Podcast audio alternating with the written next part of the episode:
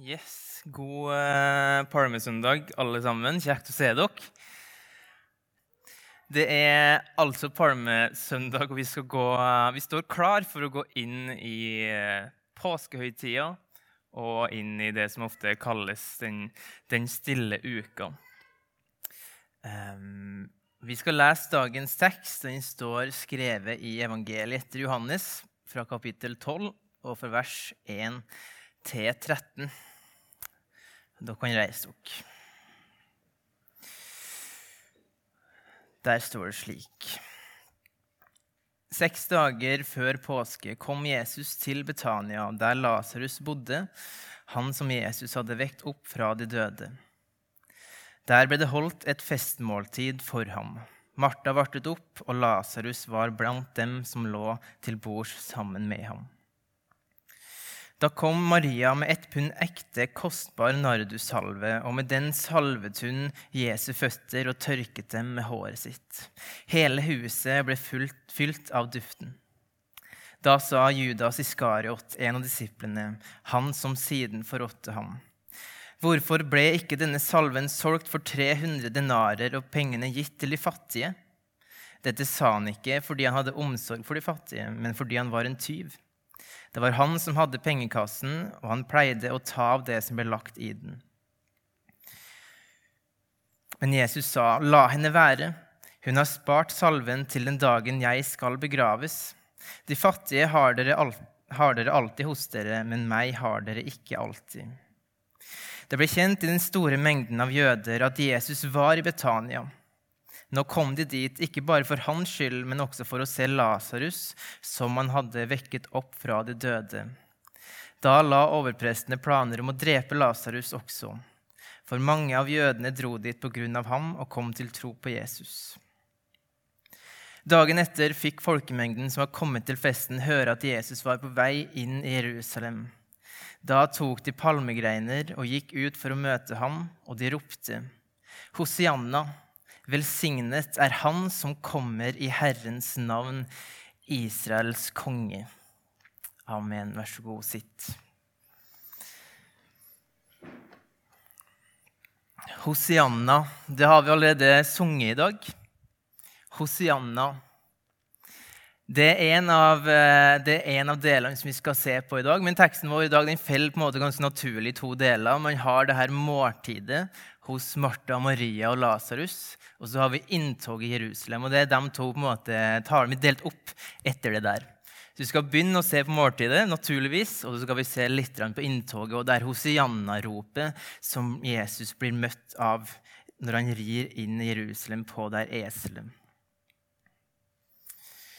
Sammenhengen mellom de to tekstene har jeg, prøvd, har jeg tanken, planen, å prøve å få fram litt, så får vi se hvordan det går. Eh, men bare helt, helt, i starten Sammenhengen her er jo hvordan begge de her to delene av teksten vitner om hvordan Jesus fortjener all ære. At Jesus er kongen som kommer. At Jesus er Herrens salvede. Han er Messias. Han er kongen.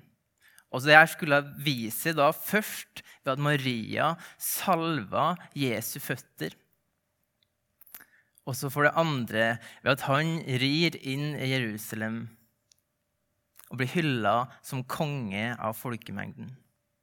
Men så viser det oss òg måten Jesus er konge på. Hvordan han konger for å gjøre et verb ut av det. Det er en ydmyk konge. Det er en annerledes konge. En konge som først og fremst kommer for å tjene andre mennesker framfor å herske. Jesu framtreden som konge den er lavmælt, og den er ydmyk. Og så er det også slik at Teksten i dag peker veldig tydelig fram mot det som vi skal sette fokus på videre i påska, og det skal jeg komme litt inn på til slutt. Men vi skal starte med måltidet. Og når vi da starter der, så eh, har jeg lyst til at vi skal bruke litt tid på det som har skjedd rett før, fordi det er ikke uvesentlig, for å si det sånn. Det er vel heller svært vesentlig. For Johannes 11, altså kapitlet før, det er der Jesus vekker Lasarus opp fra de døde. Hans gode venn Lasarus. Og så, etter at Jesus har reist han opp, så ser vi hvordan situasjonen rundt Jesus tilspisser seg. Nettet begynner å snøre seg rundt Jesus. For fariseerne og overprestene de, samler seg og så sier de, hva skal vi gjøre med denne Jesus. Han gjør så mange tegn. Snart så kommer alle til å tro på han her. Og så blir løsninga å legge en plan for å drepe Jesus, ta han til fange. Og så er det altså her at Kaifas, øverstepresten, har det her forunderlige utsagnet han sier, 'Dere skjønner ingenting.' 'Dere tenker ikke på at det er bedre for dere at ett menneske dør for folket, enn at hele folket går til grunne.' Og så kommer Johannes' kommentar. Dette sa han ikke av seg selv, men fordi han var øverste prest det året, talte han profetisk om Jesus som skulle dø for folket. Ja, han skulle ikke bare dø for folket, han skulle også samle til ett de Guds barn som er spredt omkring.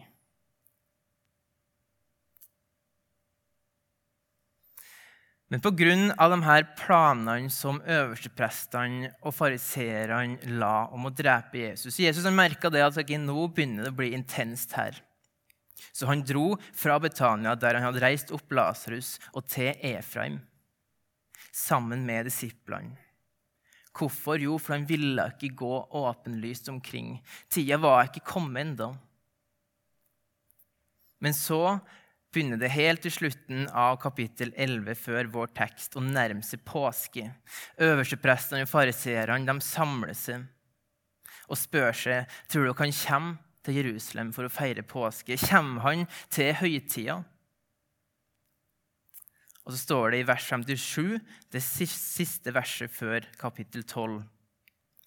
Overprestene og fariseerne hadde gitt påbud om at den som, ikke, den som fikk vite hvor han var, skulle melde ifra, så de kunne gripe ham. Det er foranledninga til dagens tekst. Påskehøytida står Den påskehøytida kommer. Og planene og nettet rundt Jesus det snører seg. Og så har Jesus altså gått bort ifra faren, rømt til Efraim. Men så leser vi om disse planene her. Nå nærmer påska seg, og nå skal de ta Jesus og drepe ham. Og i vers 1 så er det en liten nyanse som ikke kommer fram i den norske oversettelsen.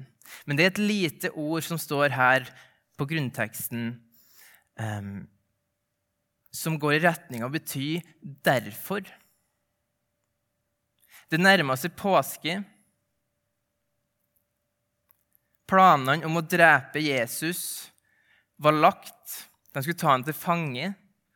Og så står det 'derfor' kom Jesus til Betania. Jesus i kapittel 11 drar fra Betania til Efrem for å ikke gå åpenlyst omkring. Og så kommer kapittel 12, vers 1. Derfor så dro Jesus tilbake igjen. Jesus går ifra å gå unna faren fordi timen var ikke kommet, til at nå vet han, nå er timen kommet. Nå står denne påskehøytida for dør, der jeg skal lide og dø Derfor så dro Jesus til Betania igjen, den byen han rømt ifra. Jesus går ifra å gå bort fra fare til å gå faren midt i møte. Jeg syns det er egentlig veldig sterkt å lese. Um, Jesus visste hva som skulle skje, og derfor så dro han òg tilbake igjen.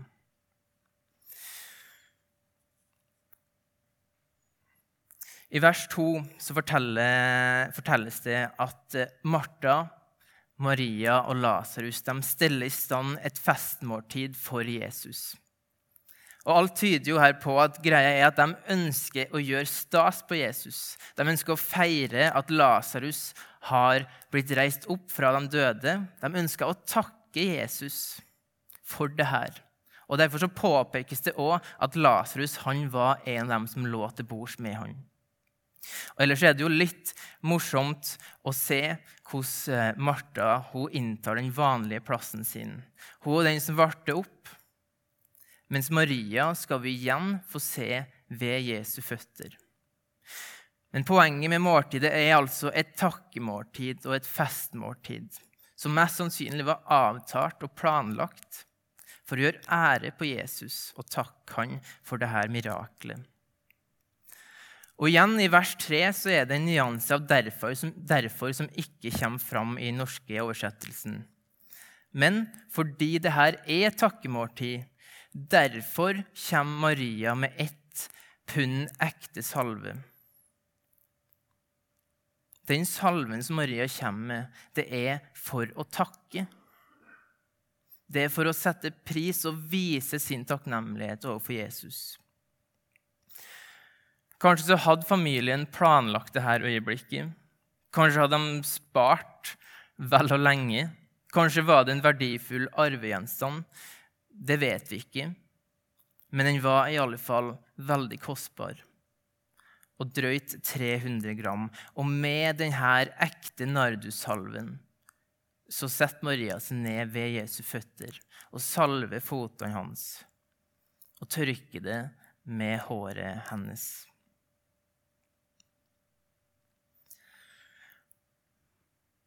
Martha sin rolle det var å varte opp for Jesus, lage et festmåltid. Og På den måten takke Jesus, vise hennes takknemlighet for, det, for den Jesus er, og det han har gjort. Marias rolle var å takke Jesus med en kostbar salve som hun salva Jesu føtter med. I begge tilfeller Jesus, takk for den du er. Takk for det du har gjort. Det var for å vise takknemlighet. Og så kommer Judas inn i fortellinga fra vers 4. Og det kommer inn nærmest som et frampek på det som kan skje noen dager senere.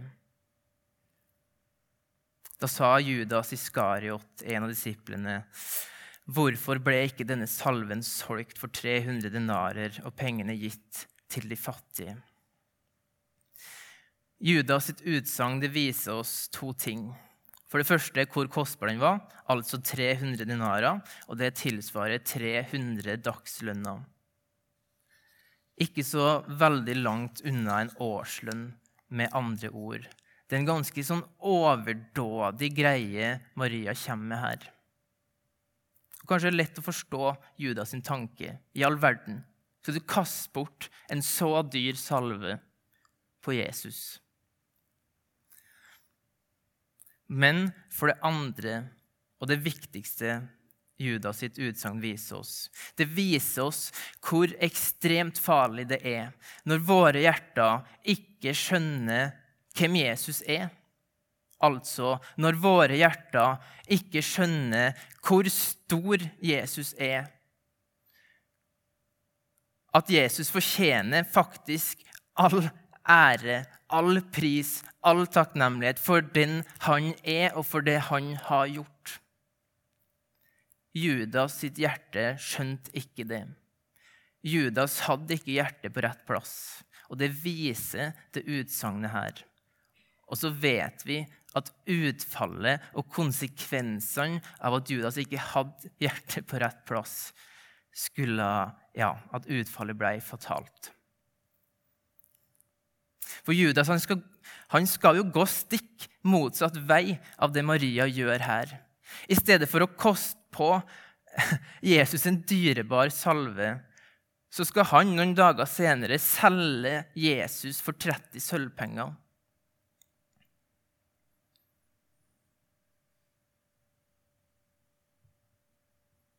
Judas gjør det stikk motsatte.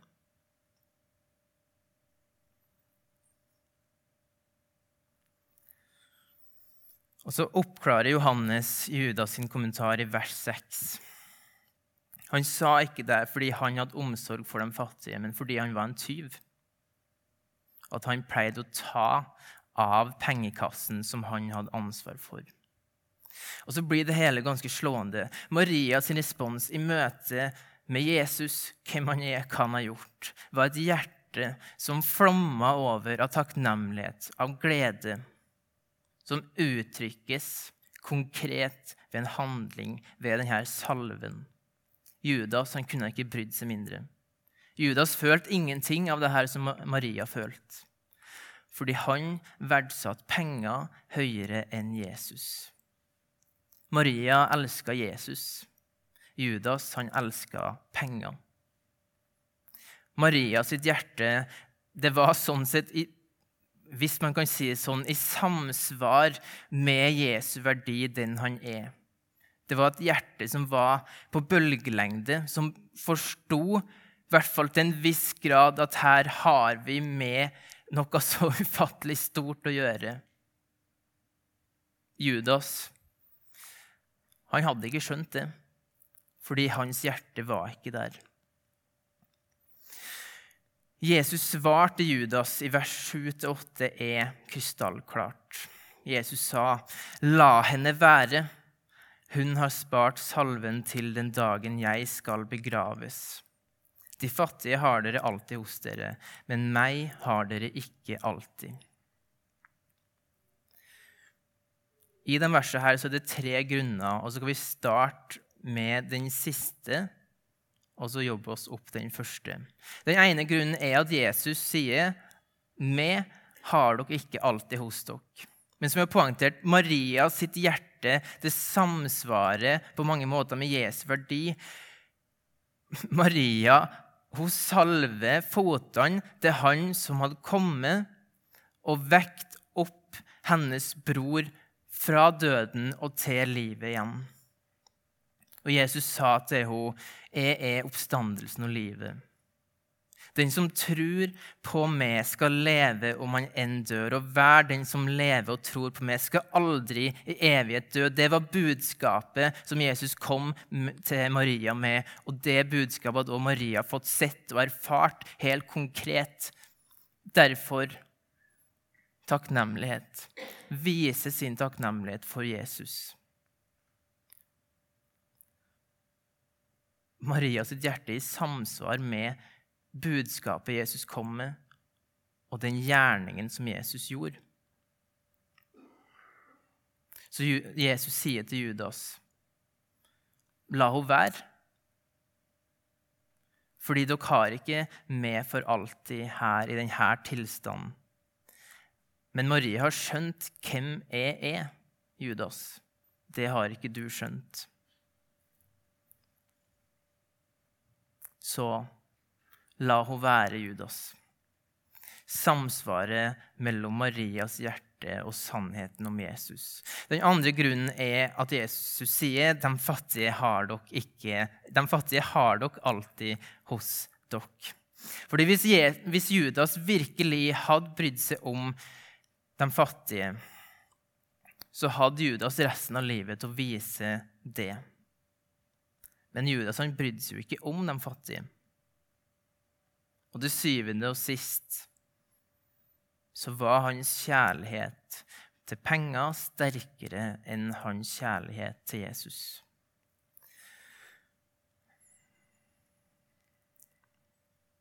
Og så er det sånn at Bibelen er full av advarsler mot penger, mot rikdom. Paulus han skriver det i 1. Timoteus brev, kapittel 6, fra vers 6.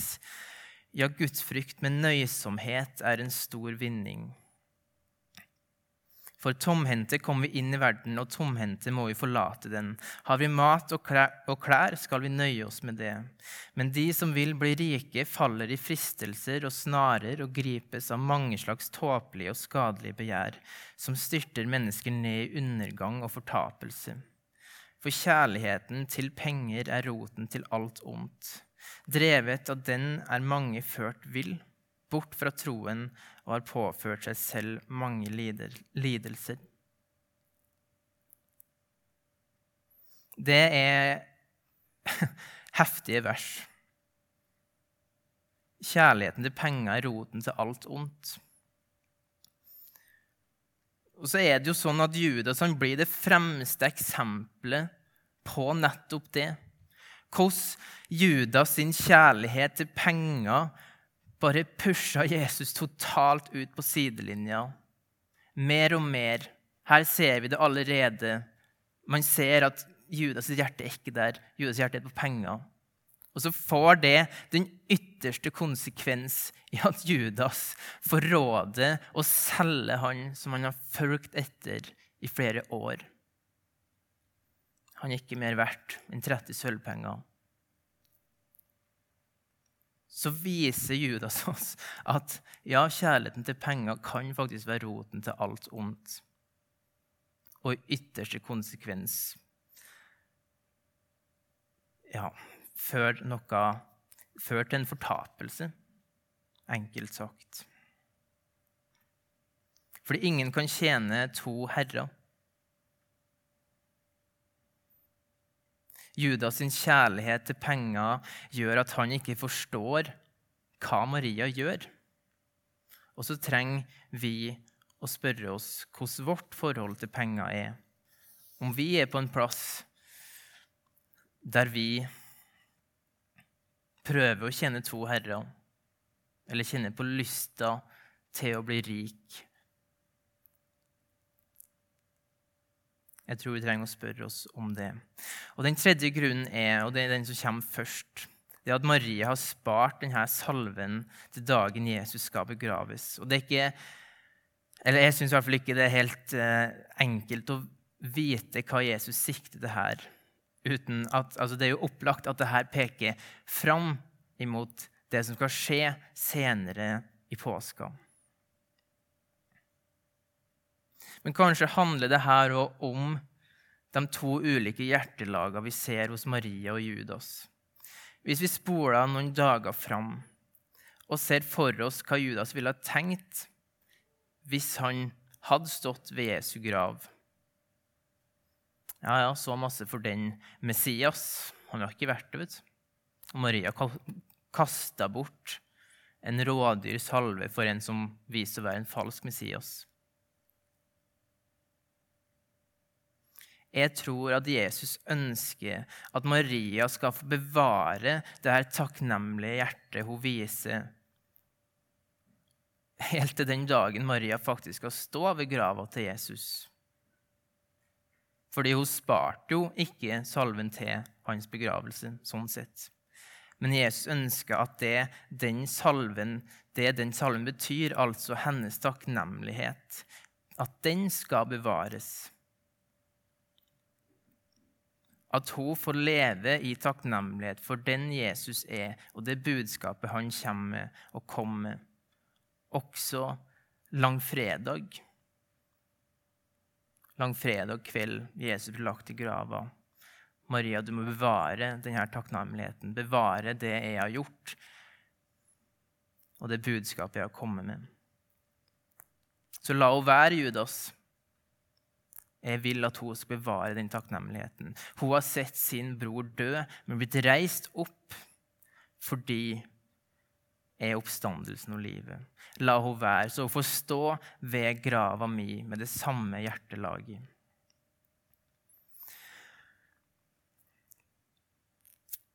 Maria er en fascinerende karakter, og hun gir oss jo her òg et forbilde. Vi har altså møtt Maria tidligere i evangelia sittende ved Jesu føtter. og Den tekst vi drar fram gang på gang, er nødvendig. Maria har vist oss det. Vi skal sette oss ned ved Jesu føtter for å lytte.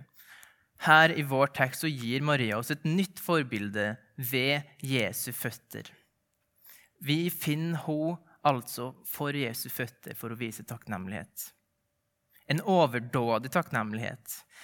Men det er det en grunn til, fordi Jesus er verdt all takknemlighet, all ære, all pris for den han er, og det han gjør. Og så blir det et forbilde for oss at vår takknemlighet at den ikke skal være lunken. Ikke la det være noen Judas eller noen stemmer i livet ditt som sier at Jesus ikke er verdt din takknemlighet. Eller litt takknemlighet, men ikke så stor takknemlighet. For den Jesus er, og det han har gjort for det, og gjør for det i ditt liv, det er mer verdt enn absolutt alt annet. Og så skal vi som Maria faktisk få vise den takknemligheten. Jesus er din rikdom. Jesus er din herre. Jesus er din konge. Ikke la ditt hjerte være delt, slik som Judas sitt. Det funker ikke. Husk at Jesus er mer verdt enn alt penger kan gi det. Jesus er mer verdt enn alt det penger kan kjøpe det. Og så skal vi som kirke og vi som disipler av Jesus få lov i dag og denne påska, slik som Maria, få lov til å vise Jesus vår takknemlighet. Fordi vi har virkelig en så stor grunn til å vise den. Jesus er verdt den takknemligheten. Ikke la den være lunken. La den være overdådig, slik som Maria viser oss. Vi skal gå videre til andre del av teksten, nemlig Jesu inntog i Jerusalem. Og så henger de her sammen med det vi har gått gjennom. Um, Jesu inntog som konge i Jerusalem, men som en annerledes konge. Og så har vi nettopp lest hvordan Maria salva Jesus. Og så peker jo nettopp det i retning av at jo, Jesus han er Messias. Kongen Det gamle testamentet profeterte om og lova å komme til. Og så står det jo og Jesus sier jo det helt tydelig sjøl i sin egen programtale helt i starten av sitt virke i Lukas 4.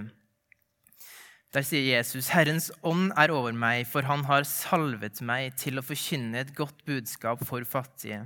'Han har sendt meg for å rope ut at fanger skal få frihet, og blinde få syn igjen,' 'for å sette undertrykte fri og rope ut et nådens år fra Herren.' Og så avslutter Jesus den eh, programtalen, eller den opplesninga, med å si at i dag så er dette profetordet blitt oppfylt. Jesus' selvforståelse er at han er den salvede, han er kongen, den som skulle ha kommet for å sette fri, for å rope ut et nådens år. Og så bekreftes det, eller hva man skal si, ved at Jesus blir salva av Maria. Så, sånn sett så rammes Jesu virke inn nettopp av det her. Helt i starten av sitt virke ved at han sier og bekrefter sjøl jo, jeg er den salvede. Og like før han skal lide og dø, jo, jeg er den salvede som, som blir salva i teksten vår. Og nettopp derfor, fordi Jesus er kongen som skulle komme, så er folket sitt rop en respons på det her. For hva betyr Hosianna, som vi sang i starten? Hosianna er opprinnelig et hebraisk ord, og vi finner det kun én plass i Det gamle sentimentet, så vidt jeg vet, og det er i Salme 118. Salme 113-118 er jo en del av disse salmene som ble sunget hver påske, hver påskehøytid av jødene, og som Jesus sjøl sang før han gikk ut i Getsemanehagen. Hosianna det betydd opprinnelig noe i retning av 'frels nå', eller 'vær så snill, frels'. Altså et rop, en bønn om frelse. Men så er det slik at meninga med det ordet det forandra seg noe over tid. Slik at for den gjengse jøde gikk det over til å være et gledesrop om frelsen. Så det begynte å bety frelse. Frelsen har kommet. For å illustrere det, det gikk ifra å bety det man roper når man faller på sjøen og kjenner noe drukne, til å bli det ropet som du roper når du ser redningsmannen komme. du ser at redninga er på vei. Redningsmannen kommer til unnsetning. Hosianna, gleden over frelsen, den ubeskrivelige følelsen av at nå, nå blir jeg redda. Noe man ikke bare kan holde inni seg, må vi bare rope ut i glede. Så ordet har gått ut fra å være en bønn til en lovprisning, fra et rop om hjelp til et rop i tillit. Og så er det noe veldig fint med det her. Tenk over det. Her rir altså Jesus inn i Jerusalem som kongen som kom for å tjene og for å frelse. Og så er responsen til folket Frelsen er kommet. Hosianna. Hylla redningsmannen som rir inn i Jerusalem. Og så var det nok ikke slik at folkemengda skjønte nødvendigvis hvordan dette skulle skje, eller hva denne frelsen skulle bestå i. Men på den måten her så peker palmesøndag så tydelig fram til resten av påskeuka. Det skjer torsdag, hvor Jesus med tydelighet viser sin tjenerrolle, hvor han innstifter nattverden til langfredagens lange kamp, tortur, pine, dom og død, og ikke minst oppstandelsesdagen. Jesus som blir reist opp fra grava i all makt og herlighet, for vår frelses skyld.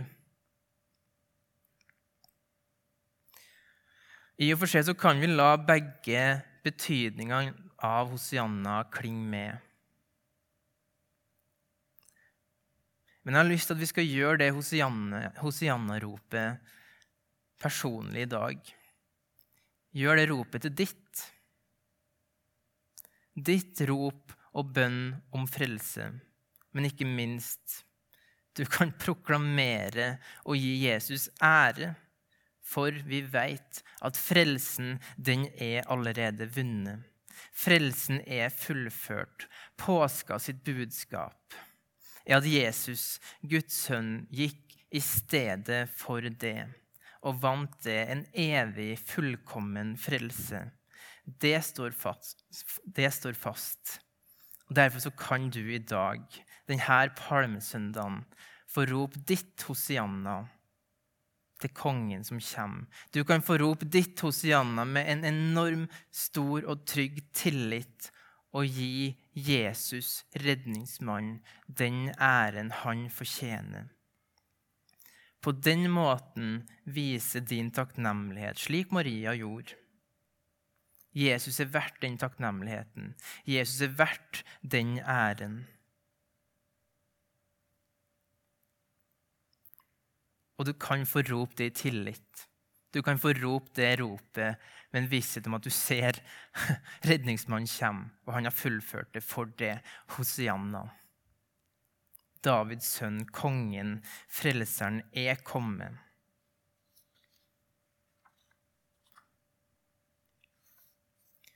Og han kom, og han fullførte. På langfredag så kunne Jesus, kongen, proklamere det er fullbrakt. Frelsen er fullført. Derfor Hosianna.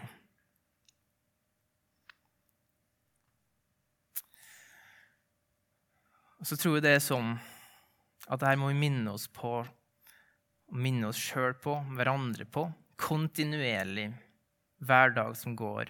Forkynn til oss sjøl nådens sannhet, korsets sannhet, frelsen sin sannhet.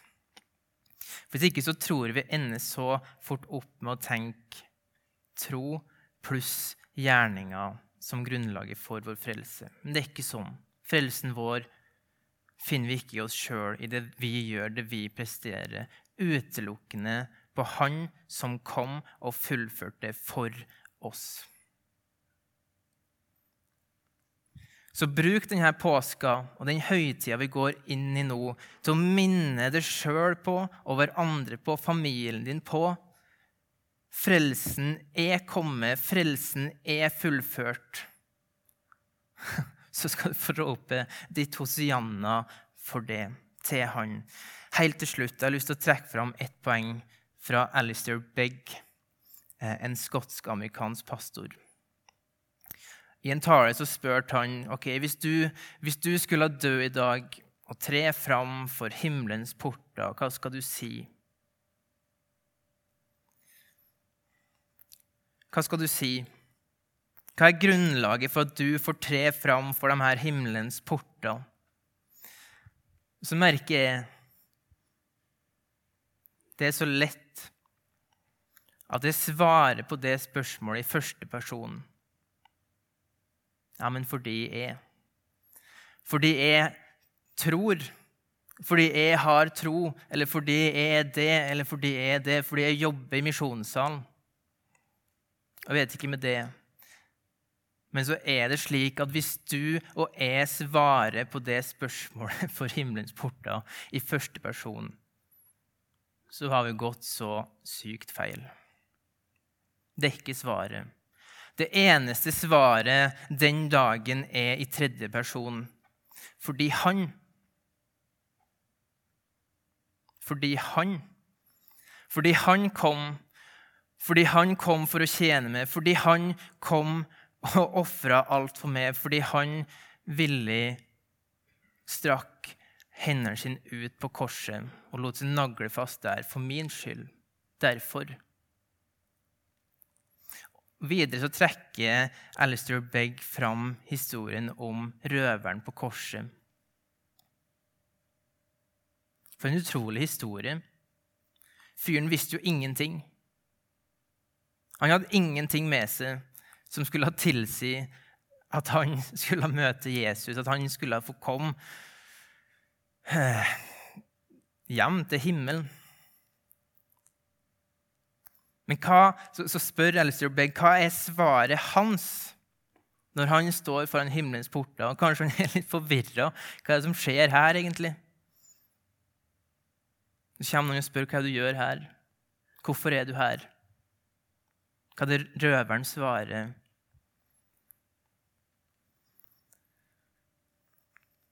Mannen på det midterste korset sa jeg kunne komme. Mannen på det midterste korset sa jeg kunne komme. Det er det eneste svaret. Og det eneste svaret vårt.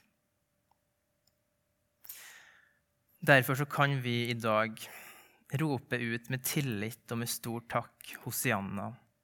Frelsen er kommet. Frelsen er fullført. Skal vi leve i de sannhetene denne påska? Gode far, kjære Jesus. Vi takker deg for det, for den du er, og det du har fullført, og det du gjør i livet våre. Gi oss en takknemlighet for det, Jesus, og gi oss en tillit til at dette står fast. Og la oss få leve i de her sannhetene denne påska og videre, Jesus, i ditt gode navn. Amen.